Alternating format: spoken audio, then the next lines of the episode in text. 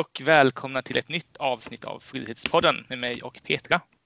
Idag så har vi ett eh, ämne som kanske varit lite bortglömt som vi tänkte diskutera lite här och vi har en, en eh, mycket spännande gäst med oss. Eh, med oss här idag har vi Omar Makram som är en talesperson för föreningen GAPF.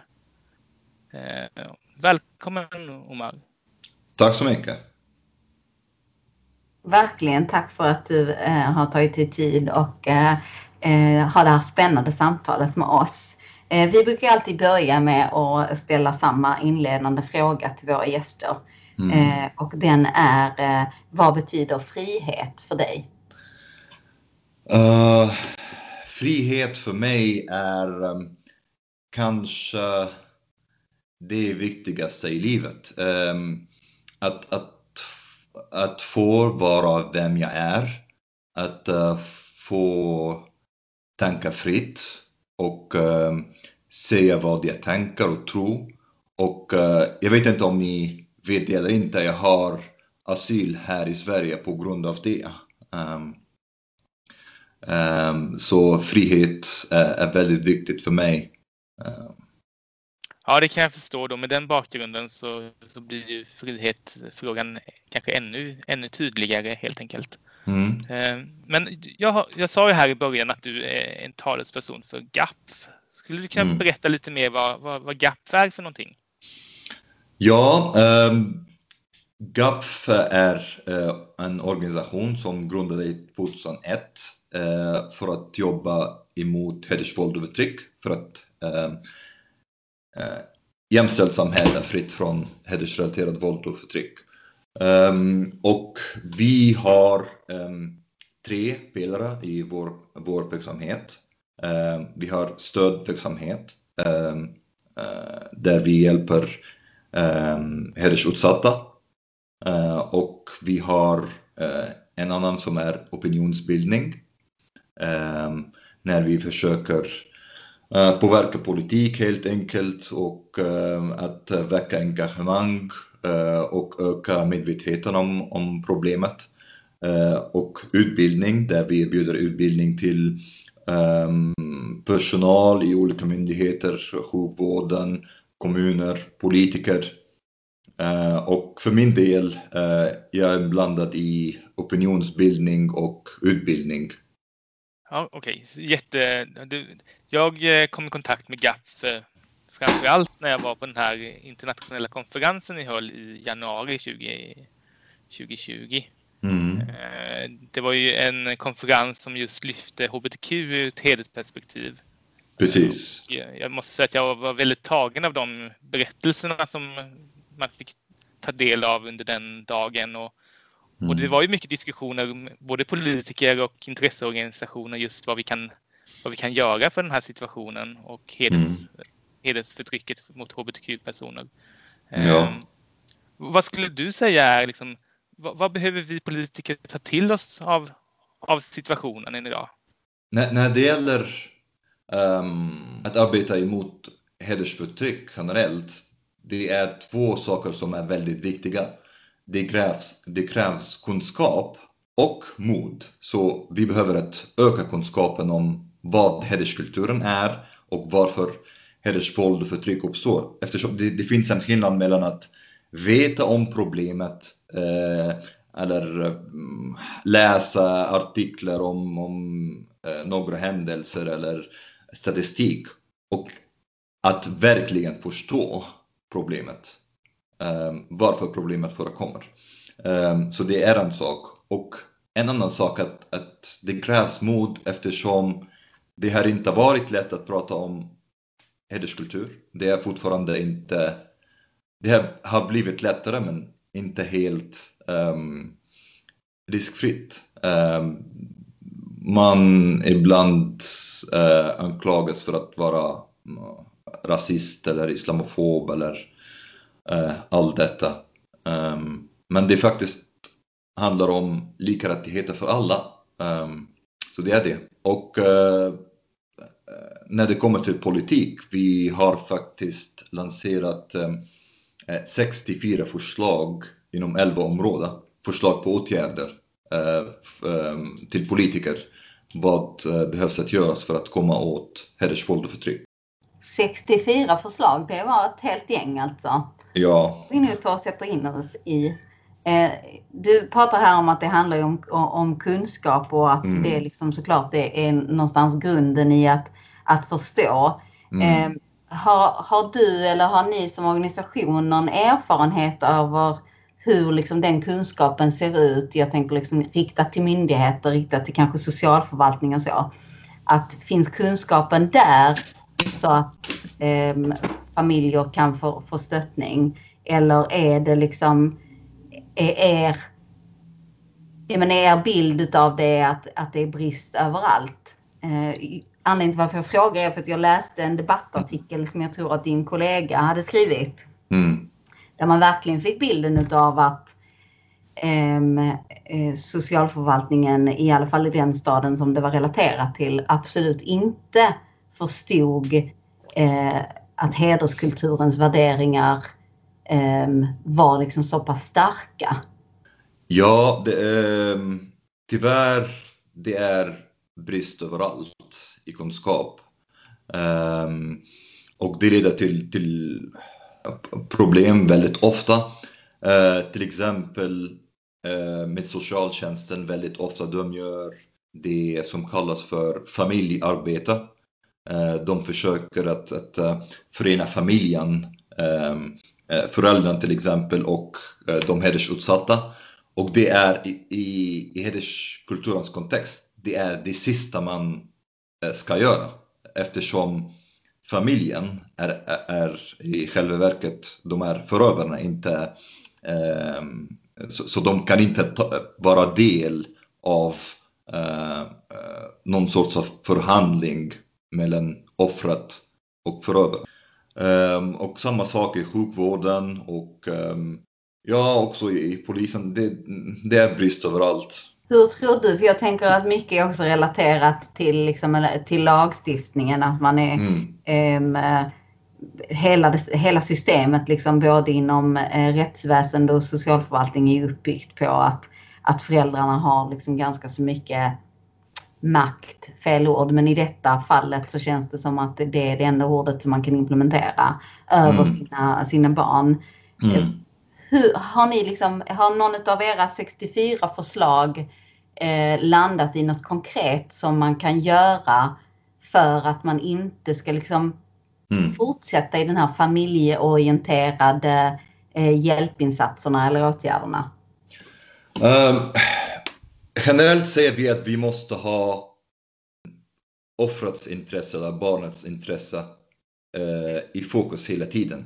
Så det är en sak, men till exempel om vi tar upp en, en, ett um, konkret förslag som vi har drivit ganska länge och som har um, blivit lag nyligen. Uh, det med ut, utreseförbud för uh, barn som misstänks um, att föras bort ur Sverige för att bli um, bortgift eller, eller eh, könsstympade.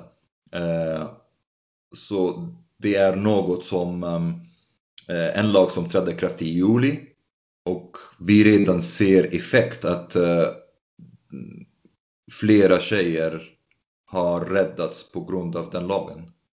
Um, så det börjar också bli lite bättre. Eh, förståelsen och kunskap börjar öka. Det är, in, det är fortfarande stor brist, men det börjar öka. Och det är viktigt att, att politikerna och, eh, skickar eh, ett tydligt budskap och eh, signaler för um, om vad gäller när det gäller att, att, att värna om um, barnets rättigheter och individens frihet.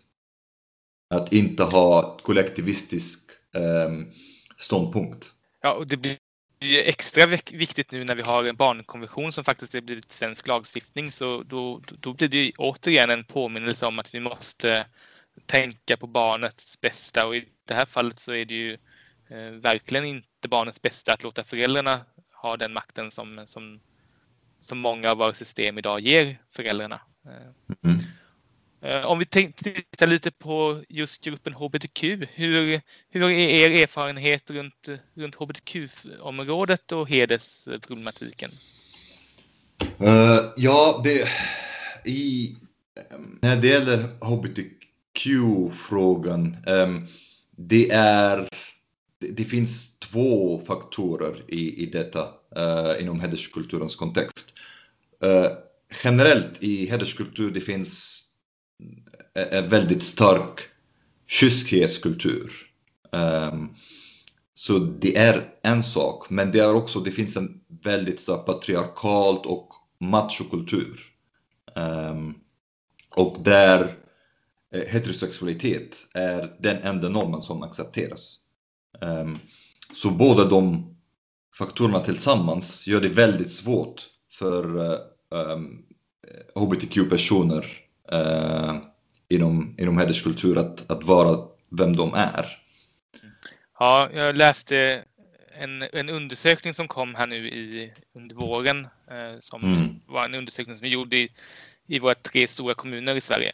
Och mm. eh, när man läser den undersökningen så blir man ju faktiskt, eh, alltså generellt sett så är det ju förskräckande att läsa om de kulturer och de normer som råder inom eh, de här grupperingarna. Men om man dessutom lägger på eh, hbtq-faktorn på det hela så, så blir man ju väldigt oroad. Ja, och, och, och ja, det handlar också, det är viktigt att förstå att, att uh, hederskultur handlar om värdering. Um, till exempel, uh, jag var en del av hederskulturen själv uh, och jag, har, jag hade värderingar då som är väldigt problematiska när, när det gäller kvinnor och sexualitet och, um, um, hbtq-personer. Um, till exempel, jag trodde en gång i tiden att uh, om två män har sex, allas tron skakas uh, av ilska. Um, jag, jag trodde verkligen det. Uh, och det är väldigt svårt om man verkligen tror på det och inte vara homofob. Um, mm. Men å andra sidan, det går att ändra värderingar. Ehm, så det är det positiva med det. Ja, alltså det blir väldigt viktigt för nu, det är ju verkligen värderingar vi pratar om här och mm. en värdering är ju faktiskt så att man kan genom kunskap eh, utveckla och, och, och ifrågasätta en värdering och själv kanske bottna i att eh, behöva omvärdera sin egen syn på, på saker och ting. Eh, mm. Hur mycket tror du att skolan kan hjälpa till med att, att underlätta för att bryta de här värderingarna? Um, det, är, det är faktiskt, skolan har en väldigt uh, stor roll. Um, och eftersom ofta det är väldigt svårt att ändra värderingar av vuxna människor som är uh, rotade i hederskulturen. Um, men det är mycket lättare med barn till exempel. Så det är väldigt viktigt att jobba med värderingen väldigt tidigt. Um, särskilt um, med barn som, som lever inom hederskultur och uh, som, som deras föräldrar har de värderingar. Det är väldigt viktigt att um,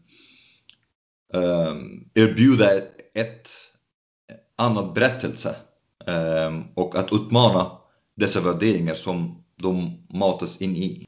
Uh, till exempel, uh, jag har skrivit uh, en mangabok som heter Förbjuden kärlek som handlar om hederskultur. Och jag åker runt till skolor här i Sverige och diskutera eh, och ha workshops med elever om, om boken och om hederskultur och individens frihet och sexualitet. Eh, och vi har en eh, öppen diskussion eh, om alla dessa frågor.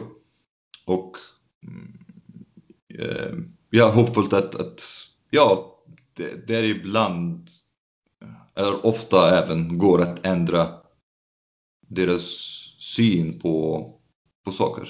Det låter verkligen som ett eh, spännande och givande arbete.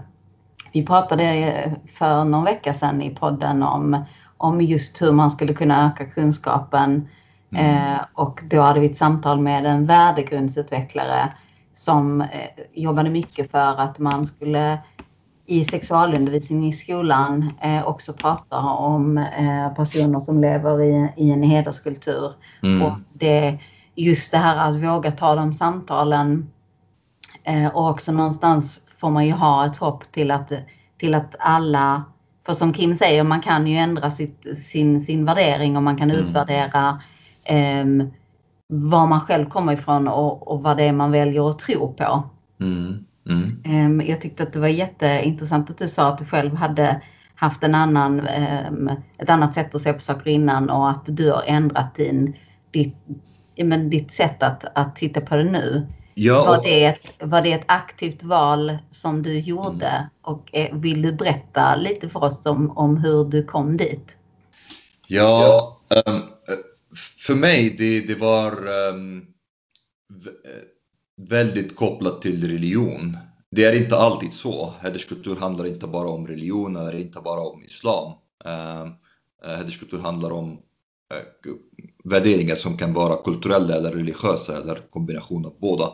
Men i mitt fall handlade det om, om religion. Eh, jag var en väldigt konservativ muslim. Eh, jag är född i eh, konservativ sunni muslimfamilj ehm, och ett, ett mm, konservativ där man kan säga mm, kanske i, i den svenska kontexten mer reaktionärt eller bakåtsträvande miljö. Um, och um, min syn på, på sexualitet och individens frihet och, um, och kvinnor uh, särskilt ehm, um, var väldigt påverkat av, av religion och min tro. Uh, och när jag lämnade islam, eh, min, min syn på allt detta förändrades. Så det var det för mig.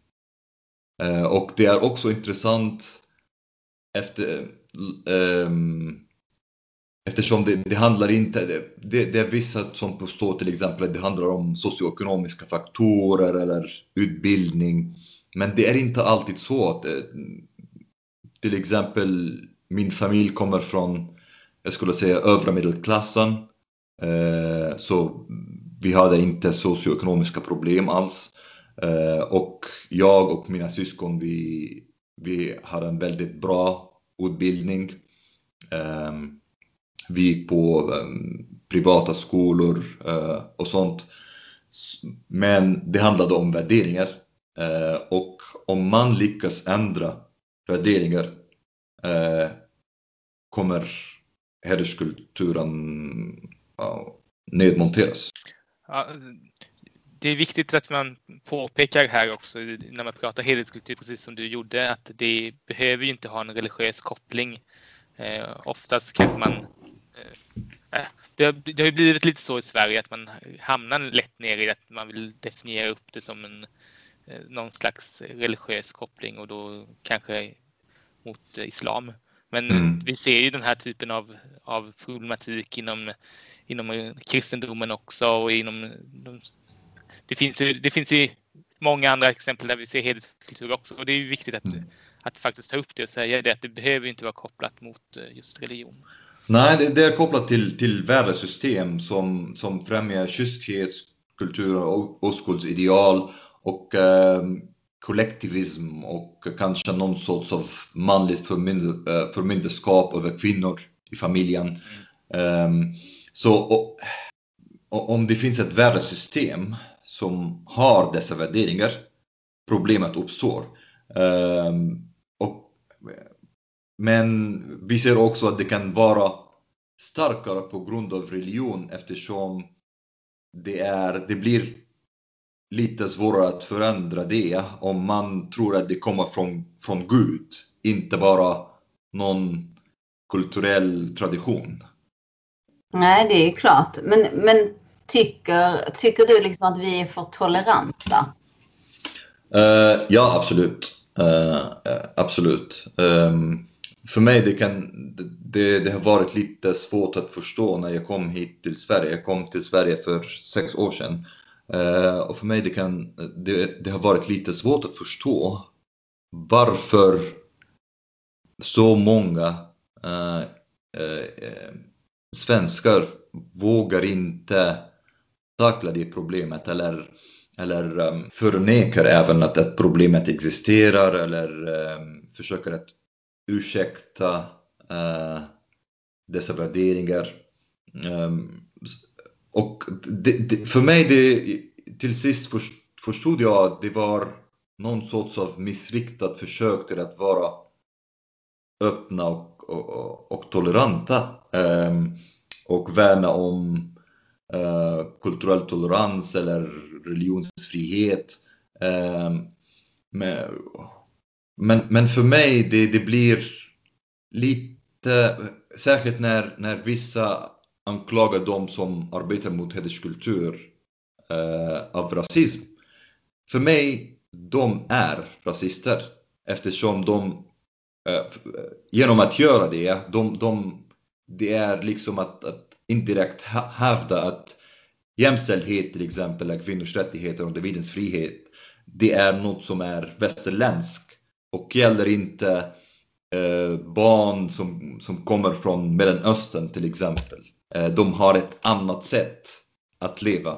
Ehm, eh, och, och, och, det är okej okay att, att eh, segregera, eh, könssegregera barn eller sexualisera barn genom att eh, sätta hijab på dem eller ehm, så för mig det, det slår fel. Det är ju väldigt Alltså det är väldigt komplext med tanke på att som du säger eh, när jag sa vi menade jag lite grann Sverige och det mm. svenska mm. systemet och hur, hur, det är uppbyggt liksom.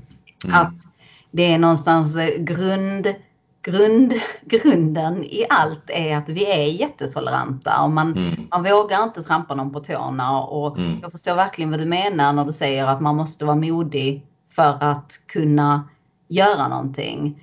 Och det är väl det som är nu med, med barnkonventionen som Kim sa, nu när det har kommit, som vi såg ju senast idag, eh, det stod i tidningen om den här nya lagen där det, där det var en flicka som inte fick lov att lämna Sverige. Det är ju väldigt svårt att bryta ner saker och inte få det att bara kopplas till religionsfrihet.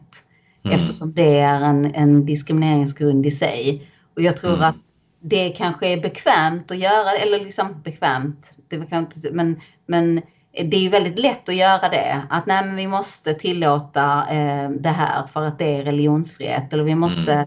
Eh, tillåta detta för att det är vårdnadshavare som har det yttersta ansvaret för sina barn och, mm. eh, och att man ju har rättighet att, att liksom eh, uppfostra sina barn i vilken kultur man vill. Mm. Men att sen då kunna bryta ner det till, till att det liksom också handlar om barns rättigheter, barnkonventionen och, och mänskliga rättigheter såklart. Mm, mm. Ja, jag, jag tycker att vi måste våga säga att det finns vissa grundläggande värderingar som vi vill ha i vårt samhälle. Och att inte, även om alla människor är välkomna, det är inte alla värderingar och alla traditioner som är lika värda och som är välkomna i vårt samhälle. Um, och vi, vi måste värna om, om värderingar som jämställdhet till exempel och individens frihet. Eh, och när det gäller religionsfrihet, ehm, först det måste vara också, det måste finnas en gräns till hur långt kan, det tillåtas eh, när det bryter mot dessa, ehm, dessa grundläggande värderingar som vi vill ha. Eh, och det måste vara också mer fokus på um, barns eh, religionsfrihet än föräldrarnas religionsfrihet. Väldigt ofta föräldrar pressar deras barn eh, på ett väldigt eh, invasivt sätt. Till exempel om vi pratar om en, en symbol som, som hijab.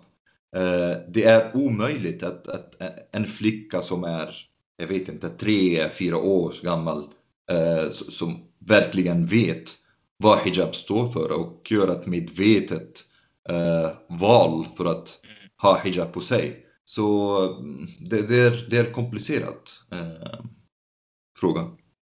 Ja, jag tänkte lite från det vi har pratat om här nu också. Eh, Vi lyfte förra året en Mm. debattartikel om konverteringsterapi. Eh, Mm. För det, det är en fråga som varit uppe inom EU där man har gått Mm. ut med en riktlinje om att man bör förbjuda konverteringsterapi. Mm. Eh, Från Öppna Moderaters sida så, så gjorde vi en debattartikel under Pride förra, Mm. förra året om det. Mm. Eh, Frågan har varit uppe i riksdagen ett antal gånger, bland annat av eh, Robert Hanna då, som har drivit den hårt Mm. från Liberalernas sida. Mm. Och möts av att det, svaren han har fått har varit att det är inte ett problem. Vi har en lagstiftning som, som förbjuder detta. Eh, Det är Mm. inte så vanligt förekommande. Eh, Man har inte, man har inte velat, velat ta i den här frågeställningen riktigt. Eh, Mm. Och det var en sån där sak som jag blev väldigt glad när jag läste ert handlingsprogram där ni tar upp just att konverteringsterapi är ett sätt inom hederskulturen att, att eh, jobba mot hbtq-personer. Mm. Eh, Så från min sida så var det så skönt att se att när, när GAP lyfter den här frågeställningen, då kände jag att då, då, då finns det någonting där ute som eh, det svenska samhället inte riktigt har velat ta i, men som ni Mm. vågar säga öppet att det här är ett problem. Mm, mm. Ja, absolut. Det är ett problem och det, det är eh, ett av eh, våra 64 förslag också. Ehm, att, att det måste ehm, totalt försvinna. Ehm, eh, och ehm, det, det är också viktigt att komma ihåg att ehm, eh, väldigt ofta i, i, familjer eh, inom hederskultur.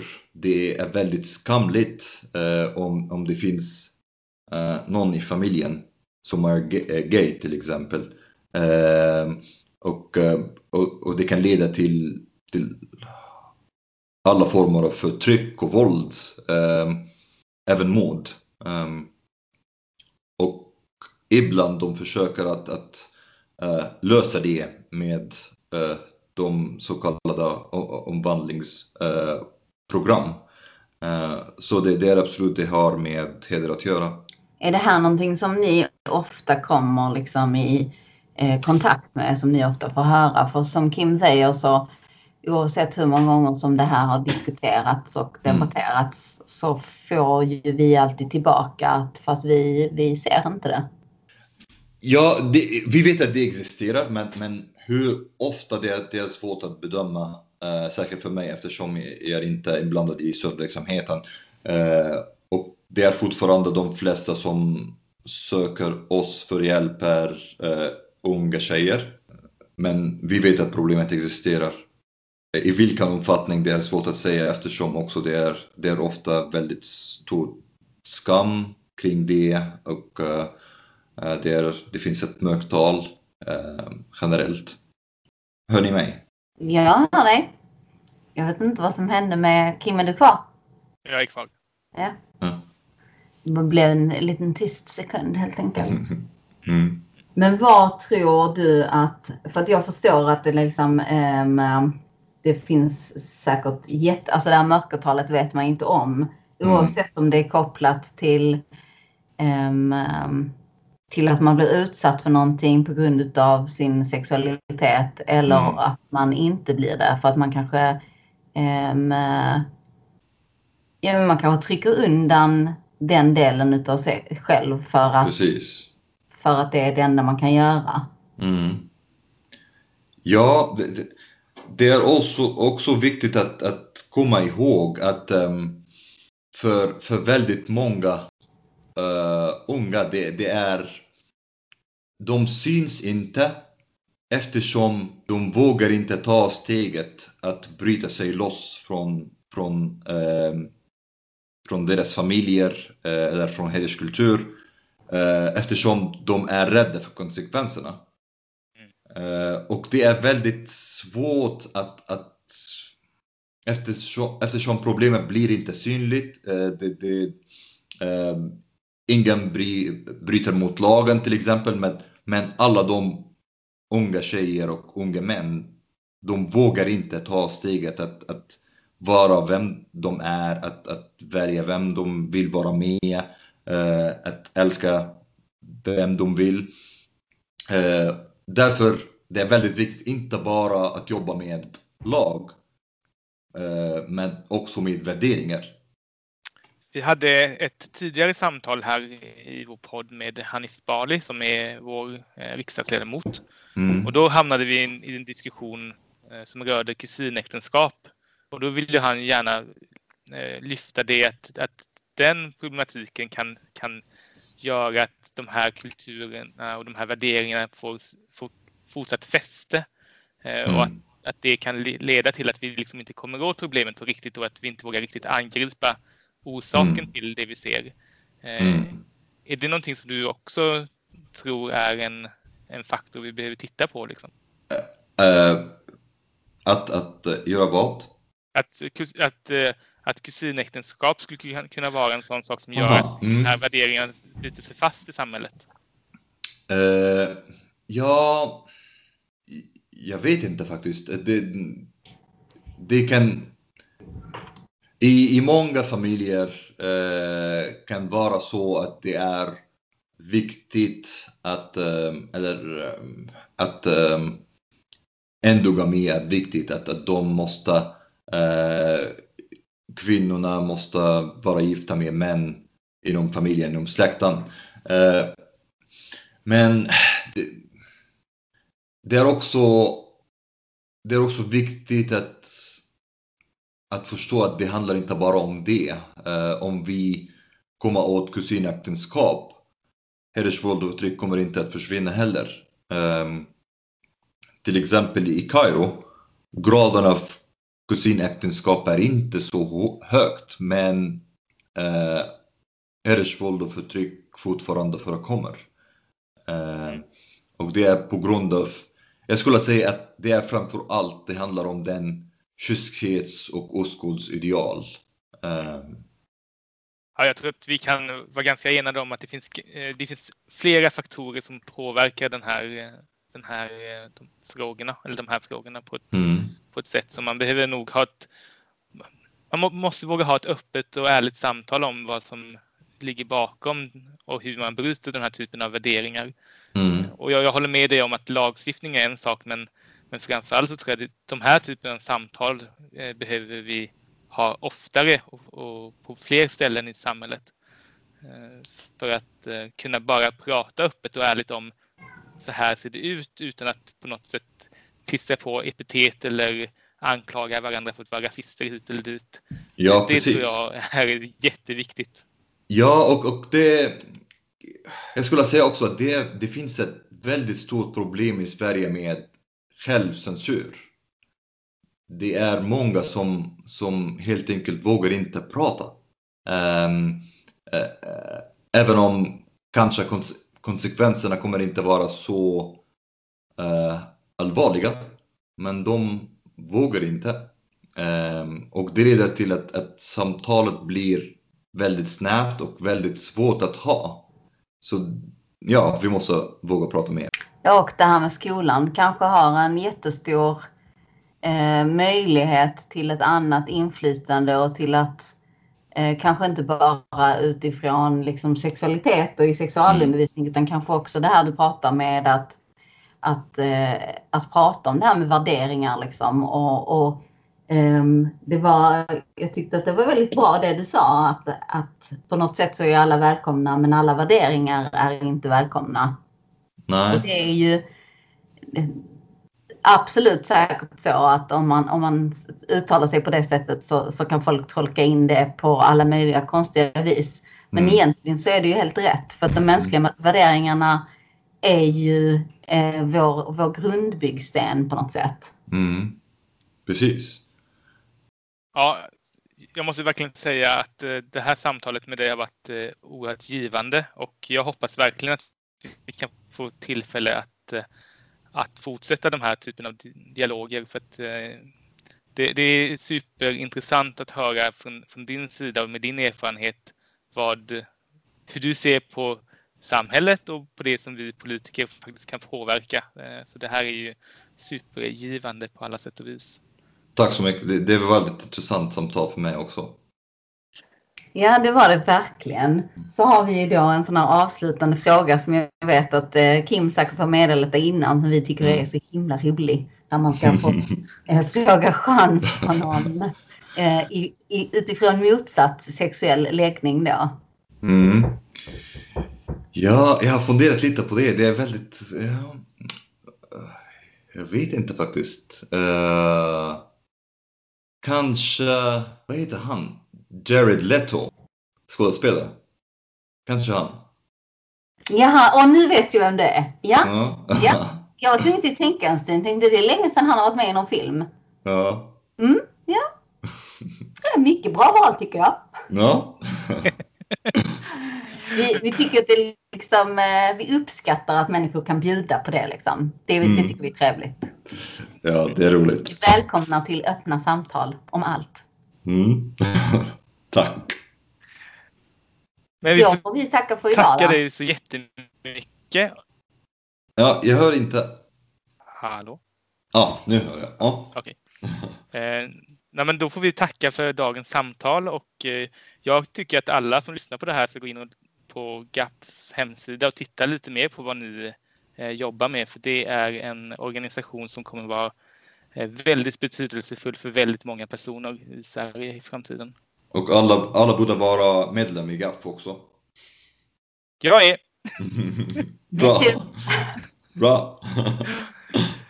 Äh, Tack så jättemycket. Tusen tack. Ha en Tack. fantastisk helg. Detsamma. Tack så mycket. Hej då. Hej då.